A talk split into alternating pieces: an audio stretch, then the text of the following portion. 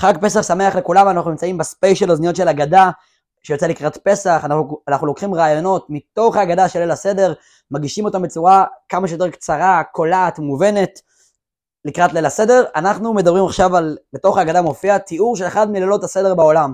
יושבים כמה חכמים, זה היה בעיר בני ברק, העיר הקדומה בני ברק, יושבים שם כמה תלמידי חכמים, רבי עקיבא ביניהם, יושבים ומספרים כל הלילה בסיפור של יציאת מצרים, הסיפורים על הניסים והמדרשים והפירושים, מה בדיוק היה, להבין את זה כמה שיותר לעומק.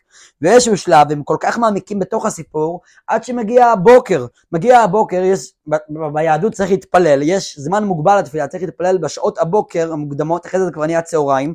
מגיעים תלמידים של, של החכמים שיושבים שם, ביניהם גם רבי, רבי עקיבא, ואומרים להם, הגיע הזמן קריאת שמע של שחרית, הגיע הזמן לומר את הקריאת שמע של שחרית. מה מעניין בסיפור הזה? אנחנו רואים בתוך ההגדה, אנחנו עכשיו חוגגים את ליל הסדר, אנחנו עכשיו מדברים על הסיפורים של יציאת מצרים, על הניסים שהיו שם, פתאום ההגדה דוחפת סיפור על מה קורה מחר בבוקר. מה רלוונטי הסיפור שפעם אחת, אחרי שליל הסדר נגמר כבר, אז באו תלמידים בבוקר להגיד שכבר צריך לקרוא קריאת שמע. מה הרעיון פה? עכשיו בליל הסדר, שההגדה תדבר רק על ליל הסדר. הנקודה היא שהסיפור של קריאת שמע, המושג הזה קריאת שמע, אנחנו כל השנה כל השנה כולה, אנחנו פעמיים ביום אומרים שמע ישראל השם אלוקינו השם אחד, פעמיים ביום, אחד בבוקר, אחד בלילה.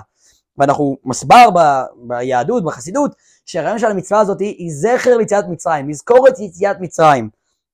כי בקריאת שמע ישראל בעצם אנחנו אומרים שלמרות שיש עולם שיש בו כלכלה ויש בו אה, בריאות ויש בו ביטחון ויש בו הרבה דיפלומטיה, בסופו של דבר שמע ישראל השם אלוקינו השם אחד.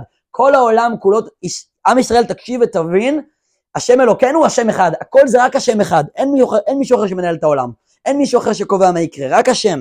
ואנחנו קוראים את זה כל השנה, גם, גם אחרי פסח, גם כשכבר לא פסח, ביום חול רגיל כדי לזכור את זה. כמו שבמצרים, מול המעצמה הכי גדולה בעולם, זה היה ברור, כולם ראו בצורה גלויה איך השם מנהל את העולם. הפרעה הכי חזק בעולם לא רלוונטי, המעצמה שלו קורסת עם עשר מכות איומות, הים נקרא לשתיים. כמו ששמה, מול שיא העוצמה של פרעה, הקדוש ברוך הוא ניצח והיה ברור שהשם אחד, ככה גם לא רק בפסח, אלא במהלך כל השנה כולה, צריך לזכור, גם כשלא רואים בגלוי כל רגע ממש את הניסים, לזכור ולדעת שהשם מנהל את העולם. וזה המשמעות. בליל הסדר, שאנחנו חוגגים את הליל הסדר, ואנחנו עכשיו אומרים, הלילה הזה יצאנו ממצרים, הלילה הזה קרו ניסים, הלילה הזה אנחנו כולנו בני חורים. רוצים להזכיר לנו, יבוא מחר, אולי מחר, או מחרתיים, או עוד שבוע, או עוד חודש, אתה לא יהיה ליל הסדר, לא יהיה את הבגדים החגיגיים, את האוכל, את בני המשפחה סביבך, יהיה מציאות כלכלית קשה, מציאות בריאותית קשה, מציאות ביטחונית קשה, לא, לא משנה איזה קושי, יהיה גלות. מה אומרים לך? תזכרו שיש קריאת שמע. מה המהות של קריאת שמע? להזכיר את יציאת מצרים, נכון? אז בעצם אומרים לנו, עכשיו בליל הסדר תיקחו כוחות, תזכרו שכמו שבלילה הזה אנחנו חוגגים גאולה, ככה גם במשך השנה כולה, כל יום וכל רגע מחדש יש לנו איזו גאולה קטנה שקורית לנו. זה המשמעות של שמע ישראל, לזכור כל יום, לזכור כל יום מחדש, שאנחנו עם שמעל העולם והקדוש ברוך הוא גואל אותנו כל רגע ורגע. פרקים אחרים של הפודקאסט, ספייסלים קצרים לכבוד חג הפסח, מחכים לכם בכל הרשתות, חג פסח כשר ושמח לכולם, משיח נאו.